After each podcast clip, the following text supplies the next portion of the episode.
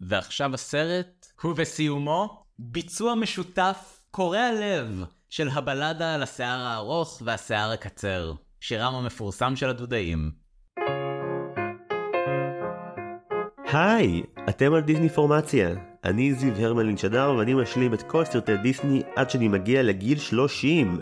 הסרט שמדבר עליו היום הוא פלונטר מ-2010, צפינו בו באנגלית ומי שבחר אותו הוא האורח שלי שהוא שימו לב לזה, גם החזאי, גם במאי תיאטרון, גם משורר, בן סגרסקי, מה שלומך?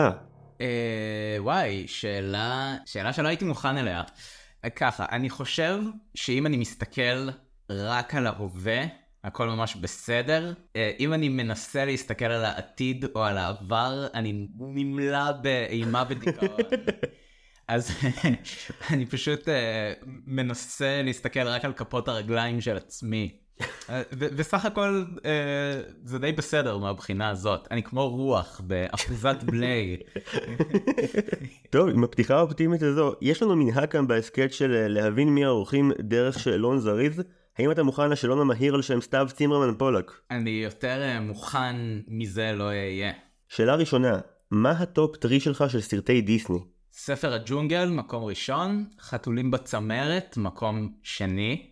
חתולים בצמרת זה אה, סרט שראיתי כל יום כשקיבלתי את הקלטת וידאו בתור ילד בכיתה א', ראיתי אותו כל יום במשך 38 יום, עד שביום ה-39 הוא נעלם באורח פלא. מה פתאום? הוא פשוט נעלם. היום, אה, ממש לפני שבאתי לפה, דיברתי על זה עם אימא שלי, והיא מכחישה שהיה לה קשר. אבל אני ממש יכול לראות איך הם כבר לא יכלו לסבול את זה. שלחו את הסרט לחווה בצפון. אה, בדיוק. השלישי, הסרט השלישי הוא, אה, אני אגיד לילו וסטיץ'. הופה. יש שם חייזר כחול, אחי. אה, אתה, אתה צריך לשפוט את זה מהפרספקטיבה של הפעם הראשונה שבה ראיתי את זה. כשמדברים על דיסני אז בדרך כלל מדברים על כמה תורי זהב נקרא לזה, יש כמה נקודות כאלה, הרנסאנס בשנות התשעים, ותואר אה, זהב וכל מיני כאלה. ואז בין לבין יש סרטים שלא מוצאים את המקום שלהם, ואני מרגיש שאני בדרך כלל נוטה להתחבר לסרטים האלה. יש בהם איזשהו חיפוש, איזשהו כוונון כלים, שהוא לא עדיין משומן לגמרי, אבל גם יש בהם איזושהי פריצה לכיוון חדש. וגם הסרט שנדבר עליו היום הוא, הוא כזה, מהרבה בחינות. מגניב, בוא נמשיך. שאלה שנייה, שיר של דיסני שיותר אנשים צריכים לזמזם במקלחת? זו התלבטות, אני חושב שקרואלה דה ויל. Hmm. זה שיר שמלא בעונג, ותמיד עם הנבלים uh, הקלאסיים של דיסני, יש uh, משהו ממכר בהנאה שלהם מהרשע של עצמם, ו- וזה מה שהופך אותם לכל כך מושכים. וקרואלה דה ויל היא כל כך כזאת שאפילו הדמויות שעליהן היא מאי- מאיימת, אפילו הדמויות שסובלות ממנה, אומרות לעצמם, fuck, יש לה style. אני פשוט לא יכול להסיר את העיניים שלי. בוא נעבור לשאלה השלישית. סרט של דיסני שהוא underrated בעיניך. אוי, אני לא הייתי מוכן לזה. Uh, אני אשלוף מהכובע שאני חושב שכוכב המטמון, אבל לא ראיתי אותו שנים. לא, לא ראיתי אותו 15 שנה. אבל תראה, יש שם איזה סגנון עיצובי מאוד יוצא דופן, uh, שאני זוכר שמאוד הרשים אותי בזמן אמת. אולי לא קראתי לזה הסגנון העיצובי, כן? קראתי לזה רובוטים מגניבים. אוקיי, לרגע חששתי שהיית ילד בן 12 מאוד מעצבן, אבל uh, טוב, שאלה הבאה. דמות אחת שהיה מוטב אילו היו מוחקים מההיסטוריה של דיסני? אני אהיה פרובוקטיבי, uh, ואני אגיד מיקי מאוס. קודם כל אני חושב שמיקי מאוס הוא סמל וזה אחת הבעיות איתו, הוא התמצית של דיסני. אבל העניין הוא כזה, כדמות זוכר הדמות, אף אחד לא יודע מה האופי של מיקי מאוס. סטודנטים מעצבנים לקולנוע יודעים, אה, אולי. ילדים לא יודעים מה האופי של מיקי מאוס, זה לא כמו באגס בני. אין לו משמעות כדמות, אז הוא לא יחסר לאף אחד. אבל מעבר לזה, הרבה מהאופן שבו אה, חוקי זכויות היוצרים השתנו, מחוקים שנועדו להגן על יוצרים לחוקים שנועדו להגן על תאגידים ושאולי שומרים יותר על האינטרסים שלהם, הרבה מזה קרה סביב הלוביזם של דיסני, סביב המלחמה לא לאבד את מיקי מאוס. אני חושב שבדרך כלל, כשאתה שואל את זה בפודקאסט, בדרך כלל אנשים חושבים על ייצוג, דמויות שהייצוג שלהם הוא לא טוב או שהן מעצבנות, אבל אני מנסה לחשוב על דמות שבאמת הפכה את העולם שבו אנחנו חיים לפחות מוצלח עבורנו, באופן פרקטי, אה, זה, זה צריך להיות מיקי מאוס, מיקי מאוס צריך ללכת. אני שוכנעתי לחלוטין, אוקיי. ברוח יאיר לפיד, מה הכי דיסני בעיניך? אני מניח שהטירה זה לוגו טוב ומדויק, ואומר לך אנחנו הולכים לעולם אחר. אפילו אם העולם הזה אה, לא קשור לאסתטיקה של טירות ואירופה וזה בשום צורה. אה, כן. אני שוכנעתי גם בזה. שאלה אחרונה, טראומת ילדות שדיסני חקקו בך לנצח. אני לא יודע אם, אם מישהו יוכל להזדהות, אבל המטטים בפנטזיה, בסקוונס של uh, שוליית הקוסם, זה סרט הזומבים הראשון שראיתי. הם חסרי פנים לחלוטין. אתה ראית כבר את פנטזיה? אני מכיר קטעים מתוך הסצנה, אף פעם לא ראיתי את פנטזיה. זו סצנה נורא מטרידה. הם גם איזושהי ישות חסרת פנים כזאת שמשתכפלת ומשכפלת את עצמה, והמים שהם שופ... שופכים ומתחילים אה, להציף לאט לאט את החלל של המערה, וזה, אה, כן. ורגע, זה בעצם קטע, זה הקטע היחידי בפנטזיה שמיקי מאוס מופיע בו. הו, כן! אתה חושב שיש פה משהו פרוידיאני? א', כן. וב', מה אנחנו לומדים על האופי של מיקי מאוס משם? אני עוד לא ראיתי, אבל ספיילרי חופשי, אני, אני אשמח לדעת אחת ותמיד מה האישיות שלו, כי גם אותי זה העסיק תקופה. הוא עצלן, הוא רוצה להטיל קסם למרות שהוא רק אה, שוליה, כדי שבמקום שהוא אה, יעסוק במלאכה, המטאטים יעשו את זה עבורו. אבל הנה העניין, אני לא חושב שזה מאפיין את מיקי מאוס בסרטונים אחרים, זה, זה, זה בדיוק העניין, למיקי מאוס אין אופי, הם מכיילים אותו בכל מיני אישיויות, לפי uh, מה שהם צריכים באותו רגע. טוב, הקייס של בן סגרסקי נגד מיקי מאוס נראה לי סגור, המושבעים יחזרו לאחר סוף הפרק. בן, צלחת שלום ומהיר בהצלחה מלאה. נתבקשת להכין ריקט מזורז של העלילה של פלונטר, האם עשית זאת? עשיתי את זה, כן. זה הולך ככה.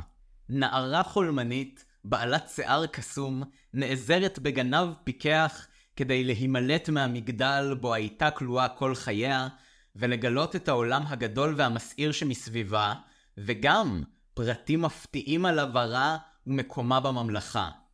נשמע מסקרן. אה, כן, אני מאוד ממליץ. אז בוא, בוא נפתח את זה כבר ככה באמת. למה דווקא פלונטר הוא, הוא אחד הפייבוריטים? הסרט הזה הוא גם איזשהו סימפטום מאוד מעניין של uh, הכיוון החדש שדיסני מצאו בתחילת העשור האחרון, ובאיזשהו מקום uh, מתמצת לתוכו את דיסני של עכשיו. אפשר לראות איך הם יישמו את מה שהם למדו שם על פרוזן uh, ומואנה וכל uh, מיני סרטים uh, שהם הוציאו לאורך האחרון והיו מאוד מצליחים. וכשראיתי אותו uh, בפעם הראשונה הוא מאוד הפתיע אותי כי אני חושב שיש בו משהו בוגר בצורה יוצאת דופן. וזה המערכת יחסים אה, בין אה, רפונזל לבין האם החורגת שלה. בוודאי. שוב, אני מגיע לפה ישר משלגיה, הסרט הראשון של דיסני לסרט החמישים, ובשניהם יש אימא חורגת מפלצתית, ולא יכולתי לשמוח יותר שגיליתי את האופי של כאילו אימא גוטל, שלא ניסו אפילו להתנצל על הדבר הכל כך פסיכוטי ומצלק מבחינה פסיכולוגית שהיא עשתה לילדה הזאת, הם פשוט אומרים, וואי, יש ממש הרבה דברים מצחיקים שאפשר להגיד על זה, בוא נעשה אותם. ספציפית, האופן שבו משום מה היא מאופיינת כאימא פולניה פאסיב אגרסיבית על ההיסטור. בדיוק, מה שתפס אותי כשראיתי את הסרט הזה פעם ראשונה, כמה מציאותיות המניפולציות שגות'ל אה, עושה על רפונזל, כאילו כולנו מכירים את המניפולציות האלה, אולי לאו דווקא מההורים, אבל היא לא איזה ג'פר כזה, שיכול, שלא יודע, שמאפנט את מי שעומד בדרכו, ויש לו צחוק מרושע, ומזימות סופר מתוחכמות. המזימה שלה היא לא מתוחכמת, היא ממש פשוטה וריאליסטית וסופר אפקטיבית, ובגלל זה גם לדעתי נורא שוברת לב, וזה פשוט להוריד את הערך העצמי של הבת שלה. לאורך הצפייה ראיתי את זה, כל הזמן כתבתי לעצמי, היא מהירה לה על המשקל, היא מהירה לה על הדיקציה, היא מהירה, זה כל מיני דברים קטנים כאלה. בחוכמתם, הם לא עושים להם קרנבל שלם, הם תופרים אותם פנימה בצורה מאוד אלגנטית, מאוד בוגרת, ומאוד סומכים על האינטליגנציה של הצופים שלהם. זה נכון, וגם פתאום כש... כשהסתכלתי עליו אתמול, אז קלטתי שגוטל וגם רפונזל ניזונות מכל הנסיכות והנבלים שקדמו להם. יש צורך לסרט לעשות מין checklist זריז על כל אחת מהם, להראות שכזה כל התכונות שבעבר היו הם גם פה ובוא נמשיך קדימה לסיפור חדש. כאילו, ב number הראשון של רפונזל היא, היא זריז הופעה כמו כמו שלגיה ו... והיא עושה arts and crafts לא כמו נסיכה אבל כמו קווזימודו שגם הוא מבודד כאילו כל הדברים של, ה... של הקודמים נמצאים שם לרגע כדי שנוכל להגיע למשהו החדש שלדעתי הוא מה יקרה אם לכל הדמויות יהיה שכל פעם אחת. כן זה גם אני חושב שחשוב להבין בקונטקסט הזה אה, איפה דיסני נמצאים ב-2010. יש משהו נורא מיושן בסרטי נסיכות כמו שהם נתפסים.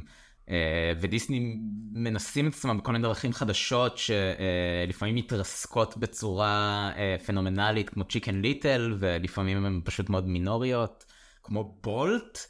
זה, זה אגב אני שומע את הפודקאסט שלך ואני תוהה מה יקרה אה, שיגמרו כל הסרטים האיקוניים זאת אומרת מי הבן אדם שהסרט האהוב עליו הוא מרד החיות.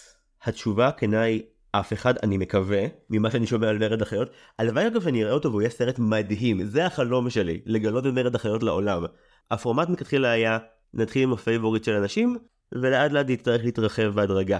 אה, כן לחפש את מי שנגיד בילדות שלו, סרטים שהיום אפשר לבקר אותם היו חשובים לו, לצורך העניין, יש לנו חברה משותפת שאני לא אחשוף את שמה, שאחרי משא ומתן של חודשים הסכימה לבוא לדינוזאור. וואי, דינוזאור הוא, אני חושב, הסרט שבו עבר לי בראש בפעם הראשונה שלא תמיד נהנים מסרטים. ישבתי שם, אני... אה, לפעמים סרט הוא לא כיף. אה, אז כן, אה, דינוזאור היה הניסיון הראשון של דיסני לעשות סרט באנימציה ממוחשבת. והוא היה כישלון כלכלי והוא היה קיבל ביקורות מאוד פושרות. לאורך כל העשור הראשון של המילניום הנוכחי דיסני אה, חוטפים אה, בעיטות מכל מיני כיוונים כי פתאום DreamWorks הופכים להיות שחקן מאוד משמעותי בשדה התרבותי שרק הופך להיות הצלחה ענקית אה, והוא זוכה באוסקר והוא כולו בוז לדיסני ולכל מה שדיסני מייצג או לפחות ככה זה נתפס אז פיקסאר הופכים להיות כבר שם מוכר, אנשים כבר יודעים להבדיל בין פיקסאר לדיסני, והם גם מאוד מאוד מצליחים. כל החברות האלה מנוהלות על ידי אנשים שפוטרו מדיסני והם נותרים להם טינה. ו- ודיסני, זאת אומרת ב-2004 הם צריכים לסגור את המחלקת אנימציה הדו-מימדית שלהם, ו- ואז הם uh, קונים את פיקסאר והם הופכים את ג'ון לאסטר שהיה המנהל האומנותי של פיקסאר למנהל האומנותי של כל חטיבות האנימציה של דיסני. והוא נכנס פנימה, ואני חושב שהסרט הזה, פלונטר, הוא הסרט הראשון שהוא היה מעורב בו ממש מההתחלה, כי לקח שנים לעשות uh, סרט אנימציה, כמובן, והוא מתווה את השינוי שהם, שהם יעשו אחר כך. עכשיו אני מזיין על זה את השכל וחוטף את הפודקאסט לכיוון הזה, כי אני רואה, כשאני רואה את פלונטר, אה, אנשים שנמצאים בדילמה, והדילמה היא איך אנחנו חוזרים לעשות את הנוסחה של דיסני בעולם החדש ובמציאות אה, החדשה והמודרנית. כן העסיק אותי כשצפיתי בסרט הזה ספציפית, כמה שרק היה דבר להתווכח איתו, כי הצורך שלהם להתבדח באופן כמעט כפייתי לאורך הסרט חייב לבוא משם, כי שוב, בהשוואה לסרט הנסיכות הטרגי שראיתי שבוע שעבר שהוא הסרט הראשון שלהם אי פעם, פתאום יש המון המון המון המון צורך להראות מודעות עצמית גם לנושאים ממש אפלים כמו טראומה נפשית ארוכת טווח ומניפולציות קיצוניות והם עושים את זה. שוב גם לפני שבועיים ראיתי את הגיבן שזה הבחור שנמצא במגדל ושום דבר לא מצחיק לגבי זה. כאילו זה נורא זה נורא ואיום הנבל שלו פרולו הוא ה... dead של ה-dead של ה-dead סיריוס ופתאום לגבות על זה מה יקרה אם אפילו לא נעמיד פנים שלפרולו יש אידיאולוגיה מה אם היא פשוט מודה בזה שהיא פשוט רוצה להיות דבר אחד ספציפי כל החיים והיא תעשה הכל בשביל זה. אה, אתה יודע זה מעניין אתה מזכיר את גוטפלד תמיד בהקשר של אולי איזושהי קריקטורה אה, היא, היא מרגישה לי יותר אנושית מכל נבל אחר של דיסני שאני מכיר נבל נבל שהוא באמת אה, הוא לא אנטי גיבור. היא מורכבת מחומרים מאוד מאוד אנושיים לדעתי וכמו שאמרתי אני חושב שהטקטיקות שלה היו עובדות גם בסרט דרמה ריאליסטי. או עד שישי אצל ההורים שלי. יכול להיות. כן, הם מעירים לך הרבה, הם, הם מסרקים אותך הרבה ומבקשים לך לשיר. האמת שאתה צוחק, אבל uh, התחביב של אמא שלי עד שהייתי בן 11, היא פעם אחת שמעה אותי מצטט אחרי שראיתי לראשונה בגיל 10 את ספיחס, את השורה האיקונית של אה, דבורה קידר, אה, בן צילה שלא תשתה לי שם חשיש, היא אומרת לו את זה לפני שהוא הולך לצבא. ואמרתי את זה פעם אחת בקול רם, ומאז במשך חמש שנים, אמא שלי אנסה אותי בכל אירוע משפחתי להיעמד, לומר בן צילה שלא תשתה לי שם חשיש ולחזור לשבת, והיא כל פעם אמרה כולם יצחקו, אף אחד לא צחק חוץ ממדה. אז, אבל, אבל, אבל אתה חושב ש, שהיה שם מניע? אתה חושב שהיה שם מניע זדוני? מאוד יכול להיות שאם אני לא מצטט את ספיחס אמא שלי מזדקנת והופכת להיות אבק זה זה תרחיש שאני יכול להאמין לו. אני מרגיש שהם ממש כלו שם בול לאיזשהו מנגנון אנושי. כאילו זה יהודה נוריאל בסדר? גוטל היא יהודה נוריאל היא, היא בן אדם וגם בגלל זה בהרבה נקודות שבהם נבלים אה, היו באים ומתכססים איזה תכסיס בסוף היא עושה את זה וזה גם לדעתי קצת מחליש את הסרט אבל לאורך רוב הזמן היא פשוט מפעילה עליה מניפולציות רגשיות והמניפולציות רגשי, הרגשיות עובדות עבורה אפילו כשהיא לא שם. יש סצנה נהדרת כשרפונזל אה, יוצאת בפעם הראשונה מהמגדל שיש איזשהו רצף תנודות רגשיות כאלה שהיא חווה, והיא אומרת, זה נפלא, אני כל כך שמחה שיצאתי, ורגע אחרי זה היא בוכה, והיא אומרת, אני בת נוראית, וכאילו, אה, אה, זה ממש תיאור של מישהי שיש לה קיבעון במערכת יחסים מתעללת, והיא מתמודדת עם אשמה. יש גם איזשהו מתח על, ברור שמבחינת היחסים, רפונזל רואה בגוטל את, אה, את אימא שלה, אבל מבחינת אה, יחסים רעילים בין אנשים יש גם המון מניפולציות שבני זוג עושים אחד לשני בסיטואציות כאלה, מה שאפילו הופך את זה לנורא יותר איכשהו. הקסים אותי ש... הרבה מהאלימות שכביכול מובלעת באישיות של גוטל אה, מתפרצת החוצה מרפונזל ברגעים לא צפויים. חקירת השב"כ שהיא עושה לפלין זה פשוט סצנה שבה אתה רואה לכאורה היא מעולם לא הייתה צריכה להרביץ לאף אחד בסיטואציה שבה היא קיימת אבל איכשהו כל הווייבים הכל כך אגרסיביים שהיא קיבלה הובילו אותה מיד לתקוף באלימות מחרידה את האדם היחידי שגם הגיע לו לקבל אלימות כזאת, אז זה היה מתגמל. לא חשבתי על זה, זו נקודה ממש אה, מעניינת. אני, האמת היא שצחקתי ממש בכל, אה, לא זכרתי את עניין המחווה. יש, הסרט, ההומור ויזואלי בו, הוא נהדר לדעתי. Uh, ההומור של השנינויות וה zingerים והצ'נדלר בינג הוא, הוא לא התיישן טוב. מה למשל? הדמות של פלין היא החוליה החלשה, לדעתי, בסרט. אני לא יודע אם חשבתי ככה כשראיתי את זה פעם ראשונה. אגב, ראית את הטיזר של טנגלד? Uh, לא. של פלונטר? אוקיי, אז יש פה כל מיני דברים. קודם כל לסרט קוראים טנגלד, לא רפונזל, כן? ושנגיעה קוראים של גיאה. כן, כי זה נובע מסכסוך דמים איום ונורא בתוך האולפן, השם הזה. זה עלה לאנשים במסורות שלהם. השאלה היא, ואני לא יודע, בלי ספק במה שאתה אומר, אה, יש לך ידע פנימי. אני כבר אספק אותו, אבל קודם תשאל. רפונזל זה, אה, זה לקרוא לסרט על אה, שם בת, וזה יכול להרחיק חלק מהקהל, זה לא מגניב, זה לא מגניב יותר. ואז הטיזר הוא רק פלין, רק הגנב, שמתחמק לתוך המגדל, ואז יש סצנה שלא מופיעה בסרט, שבה השיער, שיש לו מודעות והוא זז, הולך איתו מכות. ו- וקודם כל זה נראה נורא, זה לא קורה בסרט, הם עשו את זה במיוחד עבור הטיזר, והפסקול גם, יש שם איזושהי, איזושהי נעימת רוק שהיא ברוח של הפסקול של שרק, של ו-All Star, uh, וזה, זה כל כך שונה מהטון של הסרט. חשוב להם נורא להיראות כאילו הם רפלקסיביים, כאילו זו בדיחה על רפונזל, וזה גם לא באמת על רפונזל, זה על הגנב, וכאילו, הם, הם נורא מחביאים אותה. ואז הפוסטר, אה, לינזי אליס, אה, מבקרת התרבות היוטיוברית, לינזי אליס, הצביע על זה בזמנו, שהם מרימים גבה באותו אופן שכל הדמויות של DreamWorks אה, מרימות. כי כאילו שאתה מרים גבה אחת, אתה חצוף, ו- ולא אכפת לך משום דבר, וזה. אה, וגם הסרט מתחיל עם קריינות שלו, אבל לאט לאט היא לוקחת את המושכות, היא הופכת להיות הדמות הראשית. אני חושב שבסוף המהלך שלה זה מה שאתה יוצא איתו מהסרט. אמ, וגם הסרט הולך ו- ו- ומקבל על עצמו את זה שהוא סרט של דיסני עם שירים ו- ו- אמ, ונסיכה ו- ו- ופאטוס ורומנטיקה וכל הדברים האלה. זה מעניין שאתה מדבר על זה במונחים של כאילו היררכיה, כלומר אה, שכביכול פלין בהתחלה כאילו מעל רפונדל ואז לאט לאט מגיע האיזון אבל דווקא הסיבה שהמהלך שבו, אז שנייה אגיד את זה כמו שזה, הם אכן קראו לפרויקט בהתחלה רפונזל ואז בעקבות הנציחה והצפרדע שלא הכניס להם מספיק כסף הם התחרפנו לאללה ואמרו לא אנחנו צריכים שהבעיה יצליח גם שמנו עליו הרים של כסף והתקבלה החלטה לבחור שם שבנים לא יחשדו בו. אבל הסיבה שבעיניי זה גם לגיטימי אני חושב אני סבור שיש אמת בפרסום. הסרט באמת מספר על שני גיבורים שעוברים תהליך. בהקשר הזה אם להוציא את הרומנטיקה החוצה המהלכים של מואנה ושל ושל פלונטר די דומים. יש לך בחורה עם משבר זהות שצריכה לצאת החוצה לאיזשהו מסע כדי למצוא את עצמה והיא נעזרת בגבר שלכאורה יש לו יכולות שאין לה, אבל בפועל הוא גם הרוס לגמרי ואבוד לגבי הזהות שלו, והם יצילו אחד את השנייה.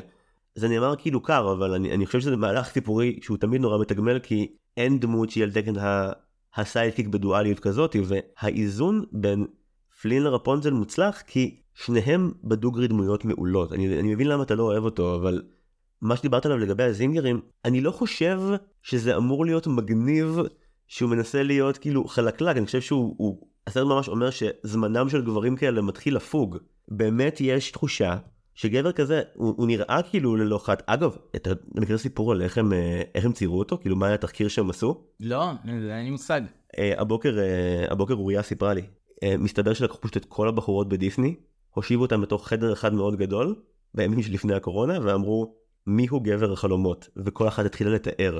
והאנימטורים התחילו להכין סקצ'ס ופשוט הם הרכיבו מין אה, פרנקנשטיין של כל החתיכים של הוליווד לדמות אחת כאילו יש את השפתיים של ברד פיט והגבות שלו וזה אם זה עורר בך סלידה מסוימת יופי זה זה לא נגד החזון אני חושב.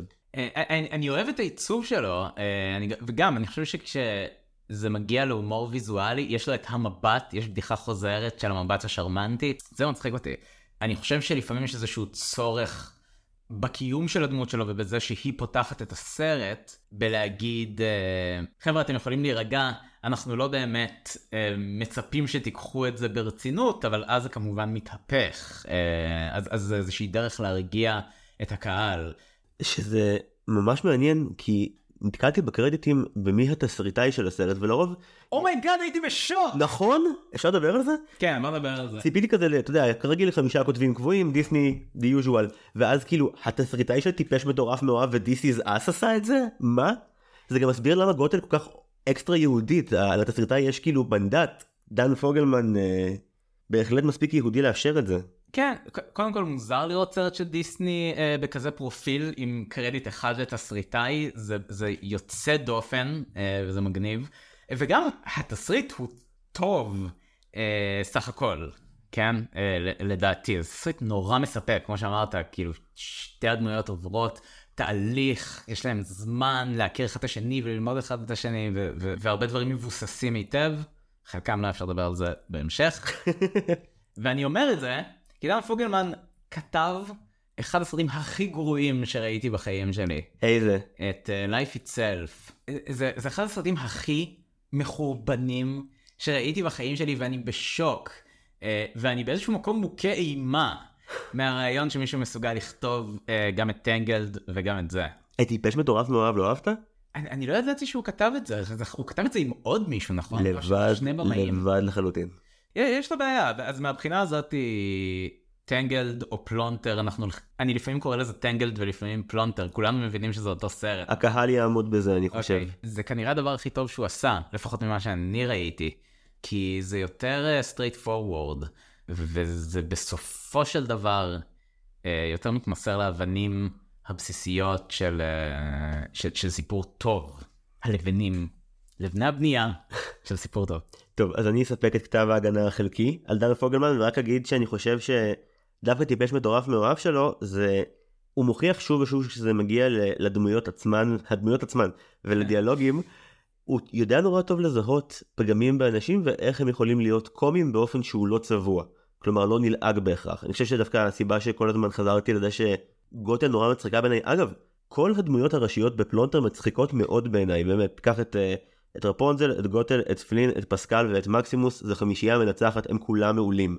אני חושב שהוא יודע לזהות פגם אנושי ולהבין מה מצחיק בו באופן שמצד אחד יגרום לך להתפקע, מצד שני לא תשנא את הדמות. בעוד שהמון כותבים בדיסני, מצחיק שווה ערך תמיד לנלעג בעיניהם, תמיד ה sidekickים הם נורא פתטיים. פסקל, הוא fucking badass, הוא זיקית קטנטנה אבל הוא, א' הוא רוצח, literally רוצח בחלק האחרון, וב' הוא, הוא, הוא חבר מצוין והוא איש סוד נאמן ומקסימוס הוא סוס לא מטומטם תמיד בדיסני יש את הקטע שבו הם uh, באים לחטוף סוס ואז הסוס uh, עושה פרצוף אבל וכנוע וכאן באים לחטוף סוס והסוס מעיף את, ה, את הגנב בחזרה לרצפה הוא לא פראייר זה מאוד פוגלמני בעיניי.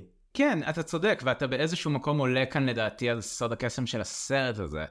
מצחיק זה לא נלעג זה הקסם של הסרט הזה, לדעתי. אגב, תהיתי אם אתה uh, תאהב את פסקל, כי גונבה שמועה לאוזניי שאתה לא אוהב שלנסיכות יש sidekickים uh, אילמים. על מה, על פוקאונטס נדבר? כן. אבל דווקא פוקאונטס כי לפלי אין אישיות, הוא פשוט מעופף ועושה צחוקים, לפסקל יש המון אישיות, הוא השריף שלה, הוא, הוא לא הצליח לשמור עליה מפני האימא המפלצתית שלה, אבל הוא...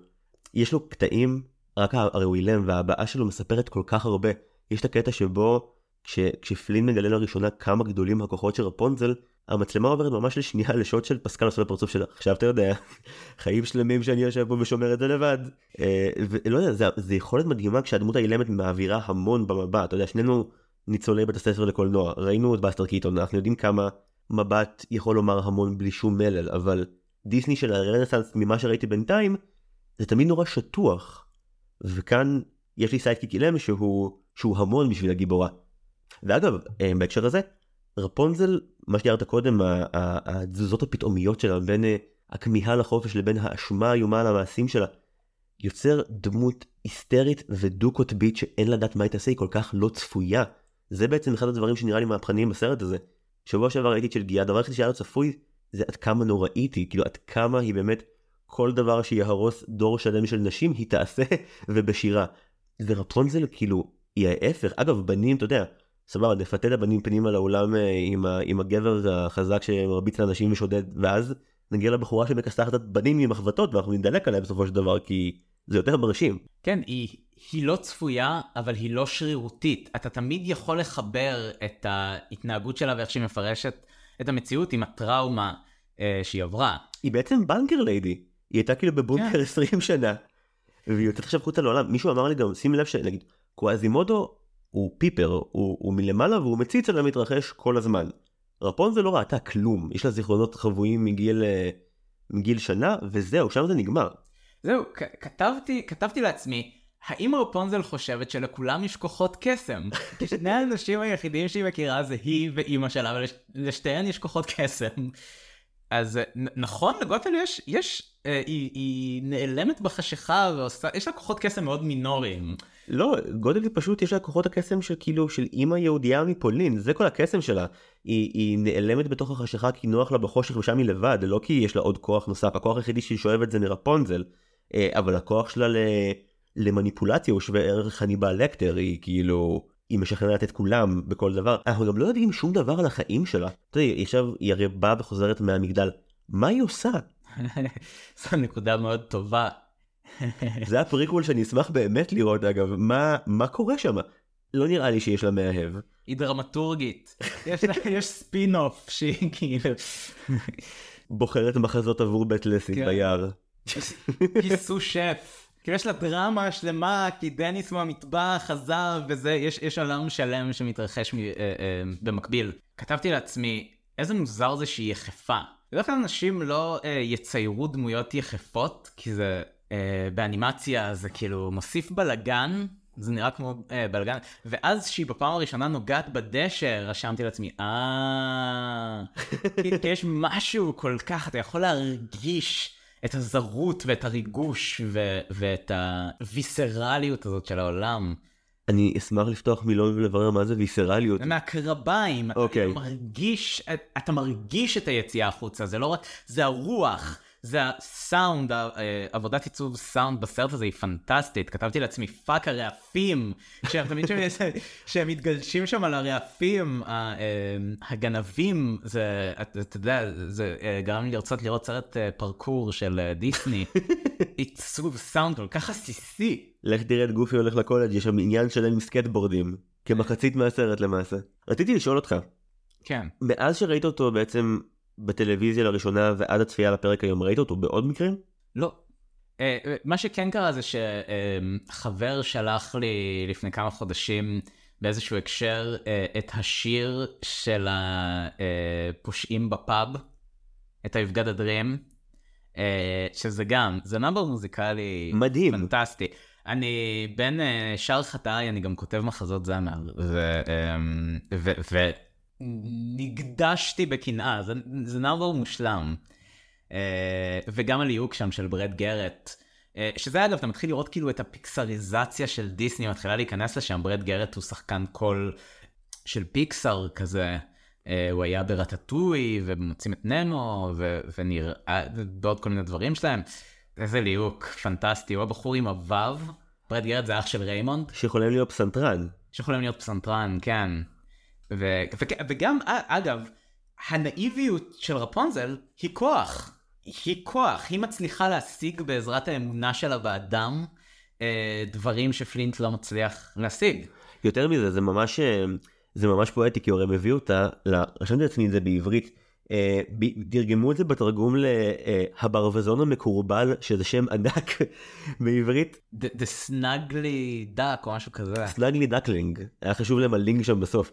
והוא הרי מביא אותה בקטע של טוב אני חמש יום מפחיד אותה פה פחד מוות והיא תעוף מפה. וא' זה שאני מתהפך עליו וכולם מפחידים אותו זה מהמם וב' רפונזל לאורך כל הסרט ממיסה דמויות גם את מקסימוס הסוס בהמשך בכך שהיא מאמינה שאפשר להיות חבר של כל אחד ושבכל אחד יש טוב והדבר שהכי העיף אותי בנאמבר הזה זה שזה הפעם הראשונה שבה כל השמנים הקרחים והפסחים של דיסני הם לא הרעים זה רק מראית עין ולמעשה כשהם מקלפים מהם את המקצוע שאליו חייהם התדרדרו הם בעצם אנשים מאוד מאוד תמימים עם רצון מאוד יפה. באמת? מה, מה, טוב, אתה רואה עכשיו את הכל, אני, אני, אמ, אני חלוד, אבל מה עם אה, קווזימודו? קווזימודו מוקף באנשים אחרים שהם גם נורא מכוערים, והם הרעים שמתקיפים אותו בדברים. כלומר, כל השוטרים של פריז הם תמיד נורא כאלה כיעורים לעומת אה, היופי של איזמרלדה ופיבוס שהם הטובים. יש לך, דווקא קווזימודו זה, אתה יודע, זה ה tropey vibe של דיסני של הנה תראו אכפת לנו גם מהמכוערים. אבל זה, זה חרטא, כל ה... הטובים האחרים בגיבן הם, הם יפים והרעים הם נורא מכוערים. וכאן להפך הם עושים איזה קטע שלם של לומר ל, ל, לצופים ולילדות וילדים שצופים בסרט תכלס כאילו אל תסתכלו בקנקן יש פה אתם רואים מישהו אם uh, תאמינו בטוב ליבו אז uh, יכול להיות שהוא יגלה לכם את צפונות ליבו או שהוא ירצח אתכם אבל זה סיכון ששווה את זה. הם גם הם מכוערים באופן כל כך נפלא, ממש. יש מישהו שיש לו, יש לו יותר מדי בהונות, ויש להם מוגלות, הם, הם אה, אה, באמת, אה, כאילו, הם חבורה מקסימה של אה, שודדי דרכים. מה אפשר לומר? רשמתי שה favorite שלי הוא ולדימיר שאוסף חדי קרן מחרסינה. שגם זה יש setup ויש איזה payoff אחר כך, נהדר. כן, גם תהיתי כמה אנשים קיפחו את חייהם כי הם נגעו לו באחד מחדי הקרן מחרסינה והרסו לו אותו, זה תחביב שמאוד קל... אה... להרוס אותו והמחיר הפיזי הוא כבד. גם אני אני אפתח את זה לנקודה אולי יותר רחבה אבל uh, שחושפים אותו את uh, ולדימיר uh, יש רגע ויזואלי נהדר של איזה extreme close-up על הבן אדם הענק הזה ואז הוא מקרב בעדינות בלתי נתפסת. Uh, שני חדי קרן קטנטנים מחרסינה כאילו והם מין נושקים אחד לשני ואז הוא מחייך. המימיקה בסרט הזה היא כל כך מצחיקה. וכשראיתי את זה עכשיו, בלט לי, שהם מתחילים להכניס תחביר קולנועי מודרני פנימה לתוך הסרט. זאת אומרת, הסרט הוא נורא old school. באיזשהו מקום מתחילים להכניס לתוכו אה, jump cut ים, נגיד שהיא מנסה לדחוף לתוך הארון את אה, פלינט המאולף, כל מיני כניסות ויציאות גיא ריצ'יות מהפריים. הם מתחילים לאמץ, זאת אומרת, הם מתחילים להתייחס כמו פיקסאר אל המצלמה כמצלמה. המצלמה במרכאות כמצלמה לכל דבר, אה, היא ממוקמת אה, בעיקר איפה שבאמת תוכל להניח מצלמה אם הדבר הזה היה אמיתי. זאת אומרת, הם מתחילים למצוא את התחביר החדש, דרך אה, העדכנית שלהם לעשות סרטים בסגנון שלהם. חושב שזה ממש יפה. אני זוכר שקראתי על, על העשור שקדם לפלונטר ובעיקר כאילו טרזה נורא הצליח להם ואז כאילו פתאום הגיעו פנטזיה 2000 ודינוזאור והאולפן מפסיד את כל הכסף שלו תוך שנה. זה היה נורא פתאומי ולקח להם עשר שנים להגיע לרעיון של אולי נעשה סרט נסיכות אבל כשנראה כמו סרטים של אולפנים אחרים שזה ממוחשב בהם ונשלב את כל הקטע של ההומור אבל אז אתה מכניס את הקטע של סרט נסיכות חזרה. זה בעצם סוג של סרט של אדגר רייט כאילו אנחנו צוחקים במשך חצי שעה על ז'אנר ואז בלי שתשים לב אתה כאילו כולך ממוגנט לסרט נסיכות ואכפת לך מאוד מהרומן ביניהם שאגב הוא ממש יפה. הם באמת מקבלים זמן אה, להכיר אחד את השני ולבלות ביחד, באמת להתחבב אחד על השני, באופן שבדרך כלל גיבורים ואינטרסים רומנטיים בסרטים של דיסני לא מקבלים. אה, שהם יושבים שם סביב המדורה וכאילו מדברים על החיים שלהם. אני לא יכול לחשוב על הרבה סצנות בסרטים של דיסני ש... שהם פשוט רגע של התחברות ושל הסרת הגנות ואיזה רגע עדין יותר. יש המון המון סימטריה ביניהם, זאת אומרת מלכתחילה הם מכירים כשלכל אחד מהם יש סוד מאוד גדול, לה יש את כוח העל שלה ולא יש את, ה- את העבר והזהות הקודמת שלו. בכל שלב בהתפתחות היחסים אתה רואה שהם עדיין בעמדה סוג של שווה גם כש... כשהם כביכול מתקרבים כל אחד עדיין יש לו איזשהו שקר היא מסתירה את, אה, את הביקור הלא צפוי מאימא שלה שנוזפת בה לחזור והוא מסתיר ממנה שהוא בשאלות של נאמנות כלפיה ו...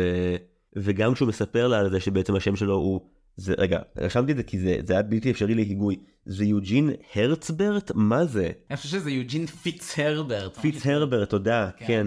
אני, מעניין אם כאילו אם הוא עבר גם תהליכים פיזיולוגיים כדי להפוך מיוג'ין פיצהרברט לפלין ריידר האם היו ניתוחי אה, בוטוקס מעורבים בתהליך. אה, אנחנו יודעים שבעולם הזה ניתוחי בוטוקס הם אה, פרחי קסם או שערות קסם יכול להיות שלא בעצמו יש טירה שבה הוא מחביא את אחיו הקטן והוא הולך לסרק לו את השיער. זה יכול להיות סוף מאוד מורבידי לסיפור הם מתחתנים והכל נפלא ואז. אתה יודע באמצע הקרדיטים רואים אותו צועד בחזרה לתוך אה, מגדל אחר וכזה אל מה שעתיד להיות הסיקוול המדכא ביותר בהיסטוריה. עברת מאימא חוטפת לבעל חוטף. כן יופי בוא לא נעשה את הפיץ' הזה לדיסני אף פעם. מעניין שגם יש טרופים לא צפויים מסרטי דיסני שקופצים פתאום. נגיד כש... כשבאמת שאימא גודל חוזרת לרפונזל אחרי שהיא כבר uh, בורחת והיא משיגה אותה והיא אומרת אתה תבוא אחריי ורפונזל פתאום אומרת לה לראשונה לא ומגלה איזושהי עצמיות. אז, uh, אז אימא גותל uh, לא פשוט אומרת לה לא מפעילה כוח פיזי אלא משתמשת בקלף שראיתי לא מזמן שגם שגם בגופי הסרט השתמשו בו. בגופי הסרט לגופי יש אה, חבר בשם פיט שאומר לו לא רוצה להקשיב לי סבבה אבל עשה לי טובה אה, תבדוק רק שלא משקרים לך ו... והיא אומרת את זה לרפונזל והולכת ואז מביימת סיפור שלם כדי לגרום לה לחשוב ש... שפלין אכן בוגד בה ולא שם. מאוד שמחתי שזה לא מחזיק יותר מדקה וחצי.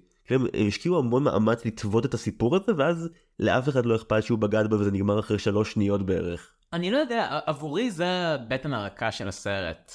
כאילו גם פה, אוקיי, בסדר, כאילו בסוף היה צריך להגביר את הסיכון, אבל... זה לא ברמת הכתיבה של הדמות עד אותו רגע, אני מרגיש, של גות'ל, שהיא צריכה, אתה יודע, לאלף אותו ולקשור אותו לסירה, ושהוא יהיה בדיוק במרחק הנכון, שהיא תראה שזה הוא, אבל לא תראה שהוא קשור, ובסדר, זה, זה אגדה. אבל זה כל כך טכני, הייתי מעדיף שהיא תפעל גות'ל, הרעה, שהיא תפעל אה, אה, איכשהו מתוך הייחודיות של הדמות שלה, כדי לסכסך ביניהם. איזה, תמצא אה, איזושהי דרך אה, להכריח את אה, פלין אה, לברוח או להעמיד פנים שהוא בוגד או משהו. רוב החיים גוטל נורא אלגנטית במפלצתיות שלה, כי היא לא צריכה להתאמץ. זאת אומרת, האקט הראשון שלה בסרט כלפי רפונזל זה חטיפה, היא חוטפת תינוקות, זו, זו הרעה. הרעה עם כל התחכום העכשווי שלה זה אחרי שנים שבהם היא שטפה לתינוקת את המוח. זה לא שהייתה אלגנטית מלכתחילה, היא פעלה בצורה הכי דארק שיש, וגם כשמוציאים את, ה- את האובססיה שלה לרפונזל, זו, זו דמות מאוד מאוד מאוד מאוד מאוד חלשה. כלומר, לא מראים לנו נראה לי את החיים שלה שיש לה מחוץ למגדל. כנראה שאין כאלה. הבחירה להראות את המוות שלה בסוף כשהיא עוד לפני הפגיעה בקרקע הופכת לאבק. זה להראות לך שאף פעם לא היה בה כלום ולכן דווקא מזימות ריקניות ומסובכות זה לא מרגיש לי מחוץ לקלאס שלה פשוט היא לא צריכה להשתמש בכל עוד הילדה הזאת אה, כפותה פסיכולוגית למגדל. כל זה נכון. יכולתי לדמיין, אה, בסוף מסתבר שזה תסריטאי אחד, אבל יכולתי להזדהות ולדמיין את חדר הכותבים יושב בסוף המערכה השנייה וכאילו פשוט מנסה לסחוט מעצמו את צירוף הנסיבות שיוביל לזה שרפונזל בדיוק תראה אותו על הספינה ברגע הנכון והוא יהיה קשור והוא יהיה מאולף והיא תדע על השיער והם ידעו על הס... אה, זה קצת טכני, זה פשוט פתרון קצת טכני. זה לא חור בעלילה, הכל מוסבר. זה לא נובע מס- מספיק מהדמויות. אה, בסדר, זין עליי, כאילו. לא לא אני לא כועס אני סקרן לפתח דיון. הדהים אותי שחברה שלי סיגל הייתה בעבר בתאילנד ושם יש מנהג גם אה, שנתי באחד החגים אה, להפריח אה, בישראל משום מה הכינוי חיבה לזה זה פנסינים אני לא יודע אם זה גזעני או לא לומר את זה אבל בהיעדר איך, איך תקרא לזה ל lantern זה בעברית. אני, אני בסדר עם פנסינים, אני לא... אוקיי, נלך עם זה ואם תגיע תביעה בממשלה... אני לא סמכות. קודם כל מסתבר שלהרבה אנשים כאילו ה image הזה מאז כאילו הוא הוא Tangled. זאת אומרת זה המשמעות של פנסינים אם אתה רואה אותם איפשהו. וכשקראנו את זה אתמול פה אז הקטע הזה הגיע ולפני שהסרט התחיל סיגל הודיע אה, יגיע שלב בסרט שבו אני הולכת לצרוח על משהו עשיתי את זה במציאות ואתה תצטרך להכיל את זה. אמרתי אוקיי מוזר. ואז עברו דקה וחצי והגיעה הפעם הראשונה שבה הממלכה מפריחה פנסינים לשמיים וסיגל צרחה עשיתי את זה במציאות ואני כזה לא היה לי מושג שזה יצר אייקונים כאלה בכלל כל מה שקראתי זה השיער עד עכשיו. אני יכול להגיד אבל שכשראיתי את פלונטר אז שרק כל הזמן חלף לי במחשבות מהרגע שבו האמת אפרופו שאמרת קודם על רפונזל מהרגע שרפונזל נהייתה מרכזית אהבתי אותו הרבה יותר כי אין לי ניסוח יפה לזה האלימות שלה הקסימה אותי מתתי על זה שזו נסיכה והיא דופקת מכות זה כאילו הבן בן העשר שבי התעורר ואמר היא מגניבה אני מוכן לראות עוד. גם האופן שבו היא מגיבה בסופר התרגשות לכל דבר אלה הדברים שנורא העירו אותי בתור צופה. כשהיא לראשונה פוגשת את העולם החיצון ובאמת עוברת איזשהו meltdown שלם אתה אומר לעצמך זה הרבה יותר מתוחכם מכל הנסיכות שראיתי עד עכשיו. כשנגמר הסרט האמת היה דברים שבו אמרתי לסיגל ולסתיו בקול רם אין לי מושג על מה אני אדבר עם בן מחר כאילו היה לי ממש כיף ונורא פחדתי להתחיל את השיחה איתך להגיד טוב אה, פלונטר היה ממש כיף תודה שבאת מה אומרים על זה אתה יודע אנחנו יכולים לדבר עכשיו שעה עוד על, ה... על הנסיבות ועל ההיסטוריה ויהיה לי בתור מי שאני נורא מעניין אבל ב bottom line זה פשוט מה שהם עשו קודם רק מעז להיות הרבה יותר כיפי בלי שזה יהפוך להיות מטומטם או שונא אדם וזה די זה די רוב הטריק אני חושב. כן אה, החיים עצמם יש שיגידו אה, אבל זה זה אה, טריק מאוד מסובך הפשטות הזאת היא מאוד מסובכת. כמו ארוחה אה, אה, עשויה טוב, פשוט ארוחה פשוטה עשויה טוב. כן, ו- ו- ואני מרגיש שבאיזשהו מקום ההצלחה של הסרט הזה התוותה את הכיוון שלהם אחר כך, ועכשיו הם ממש איזה מכונית משומנת כזאת, עם סוג של איזה מכונית ספורט כזאת, כל, כל אה, חלק בסרט הוא כאילו חשבו עליו מאלף כיוונים. Yeah, אני, אני, יש, יש משהו, אני, אני לא רוצה שיישמע כאילו זה, זה סרט אינדי, זה היה סרט מאוד יקר של תאגיד מאוד גדול.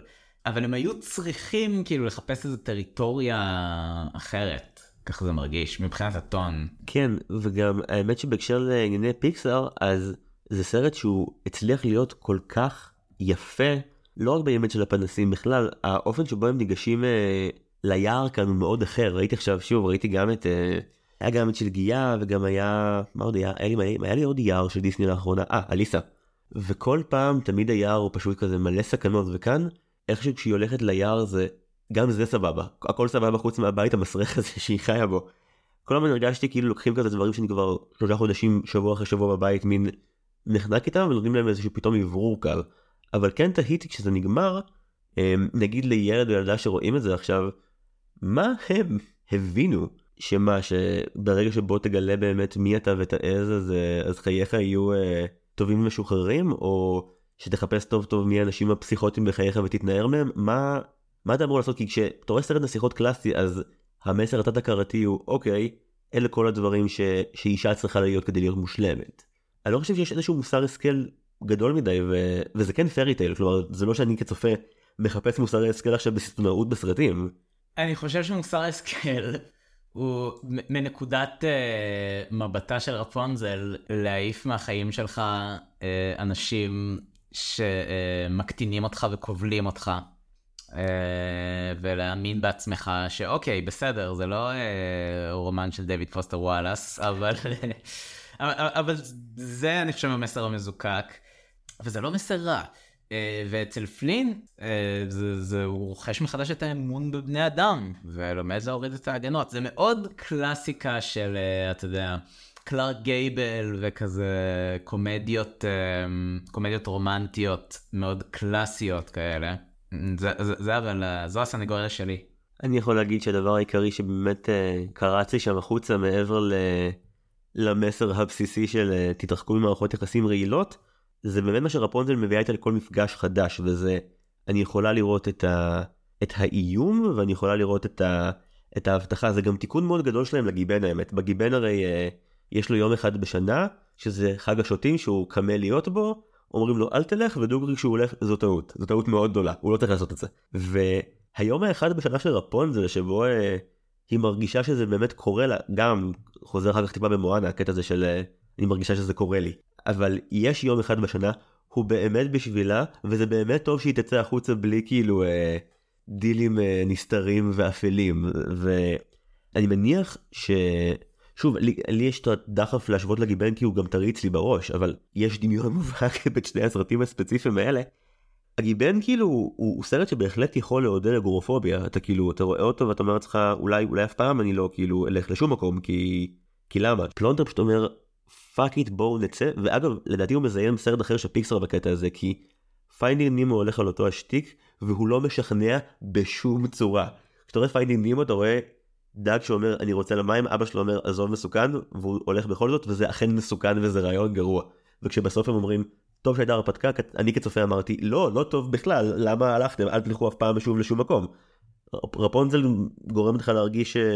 שכל עוד יש לך מחבת ביד העולם הוא בעל אפשרויות בלתי מוגבלות. יש בזה משהו מעניין אגב אם אה, דיסני עשו קופה על המחבת הזאת אם הם מכרו את זה כמרצ'נדייז. מחבת רפונזל 7,000 שקל. אה, באמת יש משהו מתבקש בסרט שנקודת המוצא שלו הוא הגיבור חי בעולם הקטן שלו אה, ויוצא בדרך כלל אה, שהעולם הגדול והמפחיד יהיה מלא בשיט רנדומלי וביצורים רנדומליים שפשוט תרצו לשיר לך שירים או לזיין לך את השכל או לאכול אותך. אמ, וזה נכון, זה סוג של אה, כיוון יחסית קל לקחת, לייצר איזו עלילה מאוד רזה ופשוט להתחיל אה, להעמיס עליה כל מיני אה, יצורי יער, ודן פוגלמן לא נופל בזה, כל הכבוד לך דן פוגלמן. אנחנו מעריכים מאוד. למרות שגם כתבת את מכוניות שזה זה כבר פרק אחר עתידי בהסכת בו. אתה, אתה, אתה משחק בלב שלי דן פוגלמן ממש כמו ריין גוסלינג בטיפש מטורף מאוהב. אה, זה, זה סרט uh, ציני אני חושב אבל בסדר אנחנו לא פה לדבר על uh, מכוניות. לא לא הפעם. Uh, כן כמה שאלות אחרונות שהעסיקו אותי שרציתי לשמוע את דעתך לגביהן. מה השיר האהוב עליך מהסרט? אז זהו יש יש שלושה שירים נהדרים בסרט לדעתי שזה השיר פתיחה uh, When will my life begin. כן. זה mother knows best. מושלם. שזה שיר נבל מכיוון שלא שמענו אף פעם. שוב, לא איזה משהו וגנרי כזה שמבטא את העוצמה שלה ו- ומיליון uh, סיידקיקים מרושעים שמטילים צל, uh, משהו מאוד עדין ומאוד מדויק ומאוד מתקתק. היא מתקתק, זה, זה, זה, זה שיר נבל שהוא תחת הפסאדה שלה, אני נורא אוהב את זה. בכל מקרה, השימוש במילים, clever little miss. כאילו הקטנה הקטנה זה שיר פנטסטי uh, I've got a dream זה פשוט נאמבר uh, um, שנון וסוחף. ו... I've got a dream? עברתי, עברתי לשיר אחר. שאלת אותי על, על, על איזה שיר אני אוהב ואז ישר יריתי מהמותן שלושה אבל העניין הוא שחוץ מהשלושה בחצי השני פתאום uh, המוזיקה נעלמת יש קצת ריפרייזים. יש לו יש, יש, יש את השיר האחד שהוא כאילו ה... ה-whole new world של פלונטר שזה I see the light. שכחתי שהוא קיים. אתה, כנראה, אתה כנראה היחיד, אני יודע שכאילו למלא מחברותיי יש חיבה עצומה לשיר הספציפי הזה, כי מערכת היחסים שהוא מבסס היא לא מטומטמת, כלומר אתה לא אומר לעצמך, מה הם שנייה וחצי ביחד, ביסס, הם, הם כמעט מתו שש פעמים, וגם אפרופו הסימטריה ביניהם, כל אחד בתורו מקריב את חייו למען השנייה. כן. אז כשהם שרים אחד לשנייה אתה יודע שזה for real, כי כאילו כל אחד פה כמעט מת בשביל שהשנייה תשרוד עד השלב הזה בסרט וגם אה, היה משהו באמת הרגע העיקרי שבו אני התרגשתי זה באמת כשהיא אומרת כל הסרט שהיא רוצה לראות את הפנסים האם היא תראה את הפאקינג פנסים אני לא יודע. ויש משהו פתאום מאוד לא מורד עצבים בזה שפלין לוקח אותה דוך והמבט שלהם בעיניים פתאום הבנתי שיש לי חשש חדש בשיר הזה כי מין זה טוב מדי ומה הסיכוי שזה לא יתחרבן כי יש עוד איזה חצי שעה לסרט ואז שעמדה לבוא נשיקה ופתאום ראיתי את העין שלו זה זז הצידה הייתי כזה אה כוסי ענקין הזה. וראו את האמא הרעה ושני התאומים האירים מה מה הם. אני לא מכיר אותם באופן אישי. אה, אין לי מושג וגם כאילו מאיפה היא הביאה את שני הטמבלים האלה מאיפה יש לה סיידקיקים פתאום. אני לא אולי זה מה שהיא עושה ב... אולי מדריכת כושר. יכול להיות שבעצם באו ישר אחרי הזומבה איתה ל... כן. לסיבוב בשכונה. אוקיי, הייתה לי תובנה ללמה אני כל כך אוהב את היפגת הדרים. כן. זה נאמבר מוזיקלי כל כך לא אפולוגטי, אה, אה, כל כך לא מתנצל, הוא דבילי, נורא, כל כך אוהב את זה, והוא עוסק בקילוף ההגנות והשכבות, אה, והיכולת להראות את עצמך כ- כמגוחך. אז, אז נורא קשה לא להתמסר לו. יש, זה עובד בהרבה שכבות, ההתמסרות לשיר היא ההתמסרות לרעיון. האמת שאני לא בטוח כמה זה דווקא חייב להיות מגוחך, כי כשאתה רואה את ה number הזה אתה מרגיש שבעצם נכנסת בלי שהודיעו לך לקבוצת תמיכה, ועכשיו תורך להגיד מה, מה החלום הקטן שלך שאתה מתבייש בו. מה החלום הקטן שאתה מתבייש בו, בן סגרסקי, אם אתה כבר פה. אני אגיד את זה, לפני שנתיים התגלגלתי לתוך לעשות תיאטרון. זה לא משהו שחשבתי שאני אעשה בחיים שלי. אה, וזה היה כמו לחטוף אה, מחט של אה, מזרק הרואין לתוך האישון. פש... העוצמות של החוויה של להיות חלק מהדבר הזה היממו אותי לגמרי, והרגשתי שממש מצאתי שם את מקומי. ועכשיו אנחנו תקועים במגפה. אפשר לעשות כמעט הכל חוץ מאת זה. וזהו, ואני, אני, יש לי הצגה שמחכה לעלות ברגע שיהיה אפשר. ו... וזהו, וזה חלום, ש... ש... שאני לא אגיד שאני מתבייש בו, אבל אני רואה הרבה קריאות של, אוקיי, יש תרבות, כאילו יש נטפליקס, זה נכון, לפעמים הקולגות שלי מת... מתנהגים כאילו uh, פשוט הציבור לא יכול לשרוד בלעדינו, ובאמת המראה היא שזה לא נכון, הם יכולים לשרוד היטב. אה, אבל תחושת השלמות הרוחנית של לעסוק בדבר הזה היא לא מתקרבת לשום דבר אחר.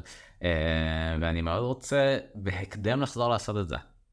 וואו, ממש, אה, ממש תפילה, אני שמח. זה... אתה רואה, אני שאלתי שאלה אלן דה ג'נריסט תמימה ולא ידעתי מה אני אעלה בחכתי.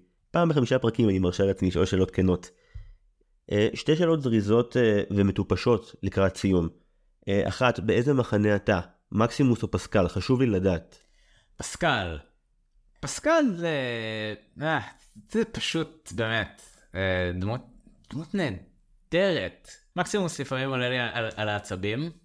פסקל א' מוצדק לגמרי כי היא תקועה שם לבד, היא תהיה חברה של כל מי שצריך.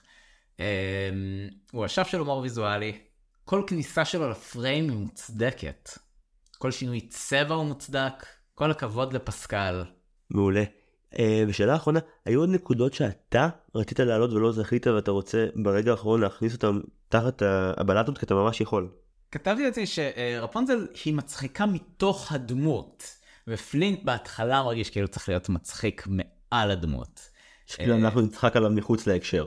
אה, לא, שאנחנו נצחק איתו מחוץ למעורבות שלו בסיפור ובקונפליקט. מה זאת אומרת? אה, אני יודע, תיארתי את זה בצורה ממש מסורבלת ולא הגיונית. אה, העניין הוא, אוקיי, פלינט שוב, הוא סרקסטי, ותוך כדי שקורים לו דברים, הוא לא לגמרי מגויס או מבטא את מה שקורה, זאת אומרת, יורים עליו חצים, והוא כזה, הם תפסו את האף שלי לא נכון בציור, כן? בזמן שעוד שנייה הורגים אותו. אה, הם מצאו דרך עם רפונזל, היא לא סרקסטית, אין לה תובנות אה, שנונות על דברים, היא עדיין נורא נורא מצחיקה, מתוך הדמות ומתוך הדרך שבה היא חווה את הדברים. אני חושב שזו נקודה מצוינת, ויש עוד שני דברים קטנים שמייחדים את רפונזל משאר הדמויות שמוצאים חן בעיניי. אה, רפונזל היא, היא משמשת אבן בוחן מעולה כדי להבדיל בין הנכלוליות השולית של פלין לבין המפלצתיות של גוטל, פשוט כי האופן שבו שתי הדמויות ניגשות לשיער שלה אמור להבדיל לבין אה, בין אוכל קטן לבין רוע מוחלט. כלומר כל הסרט כש, כשגוטל אה, כביכול מביעה חיבה כלפי רפונזל אז היא אומרת אה, אני אוהבת אותך והיא מסתכלת בעצם על השיער ולא על הפנים שלה. וברגע האחרון כש... כביכול היא רוצה להציל את פלין אז האקט האחד שהוא עושה הוא להסיר את השיער מהפנים שלה בקטע של לא אכפת לי מהחרא הזה ולגזור אותו מה שאגב הופך אותה לנסיכה הראשונה בתולדות דיסני שיש לה את השיער הכי ארוך והכי קצר בו זמנית, שזה נתון אמיתי. אה, אז אתה מזכיר לי שני דברים שחשבתי ברגע הזה, ברגע של הקליימקס. אה, קודם כל, קליימקס נהדר. שמבוסס על פיקחות והבנה של המצב, האופי של הדמויות, לא על ניצחון פיזי של הדמות. ולא על ברק שיוצא מהשמיים ו fucking הורג את המלכה, fucking שליה מזדיין, זה היה מעליב. ההפך הגמור, אקט קטן שצבר המון מטען רגשי לאורך כל הסרט. נהדר. וגם חשבתי על זה שדיסני, אני חושב, אולי אני טועה, נורא ממעטים לייצר שינויים פיזיים אה, מאוד גדולים בדמויות שלהם לקראת סוף הסרט, כי זה בעיה מבחינת merchandise. האייקון, הסילואטה, זה שוב חוזר למיקי מאוס. הסילואטה חייבת להיות, אה, אה, אה, כולם חייבים לזהות אותו בטנזניה והונג קונג וישראל. הקרה הזה הוא... תספורת רייצ'ל, לא? זה מה שיש לה. אני חושב שזה יותר קצר מתספורת רייצ'ל, אני כל כך לא הסמכות. אמ, פעם הבאה שאני אהיה אצל מוטי הספר, שאוט אאוט. אבל אמ, יש, יש משהו אמיץ בזה במטמורפוזה הבלתי הפיכה הזאת של הדמות אה, שאחר כך אתה אמור לקנות את הבובות שלה. כן, למרות שכמה שנים אחרי זה דיסני הפכו את זה לאומנות כשהדמות של גרוט בשומרי הגלקסיה התחילה להופיע בחמישה גדלים שונים ואז מכרו חמישה סוגי צעצועים שונים שלו. כן, אבל אוקיי, אה, אתה יודע, יודה תינוק, גרוט תינוק, זה אמ, מאיזושהי סיבה פרוורטית, זה, זה אה, צרכנים מאוד אוהבים את זה. הגיבורה שלך אחרי שהיא התבגרה ויש לה תסרוקת יותר סולידית, אה, אני לא יודע כמה שוק יש בזה. זה לא כמו שמלה חדשה לאלזה. אה, אני, אני מדבר פה בתחומים שאני באמת... אה, אני, אה, שתדע שכל השיווק והיח"צ של הפרק יהיה בן סגרסקי עם עצות אופנה וטיפוח. אני, אני חותר לשם בכל הכוח. אוטוריטה. טוב, בן סגרסקי מילות סיכום על חווייתך כאן ועל הפלונטר? זה היה תענוג. לשוחח איתך. בן מניד בשלילה לראשו תוך כדי שהוא אומר לי, זה סתם שתדעו, לא מתכוון לזה באמת. והעיניים שלי פקוחות בבעתה. Uh, טוב, בן סגרסקי, תודה רבה רבה רבה שבאת. אם אתם עוקבים אחרינו ועוקבים אחרי הסרטים, אתם יותר ממוזמנים לצפות בהרפתקאות איקבוד ומר טוד. מה, מה זה? למה אתם עושים על זה פרק? אמרתי שאני אראה את כל הסרטים של דיסני, זה הבא ברשימה שלי, מוזמנים לעקוב. מי, מי רואה איתך את אה, איקבוד ומר טוד? אני אספר לך אחרי ההקלטה, זה סוד, זהות האורחים אה, חסויה, זה כמו הזמר במסכה פה למען האמת. אני לא ראיתי פריים מהזמר במסכה. אז כשנסיים את ההקלטה, אה, בן לא יוצא מהבית שלי, יש בין של כל העונה הראשונה. אה, בינתיים, תודה רבה רבה לבן, תודה רבה לכם שהאזנתם, ועד הפעם הבאה, היו שלום.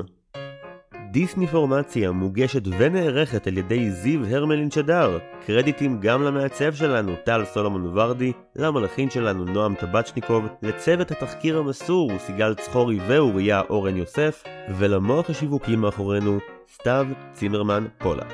מוזמנות ומוזמנים לדרג אותנו בשלל אפליקציות ההסכתים וגם לעשות לנו לייק בעמוד הפייסבוק שלנו, דיסני מכה פורמציה.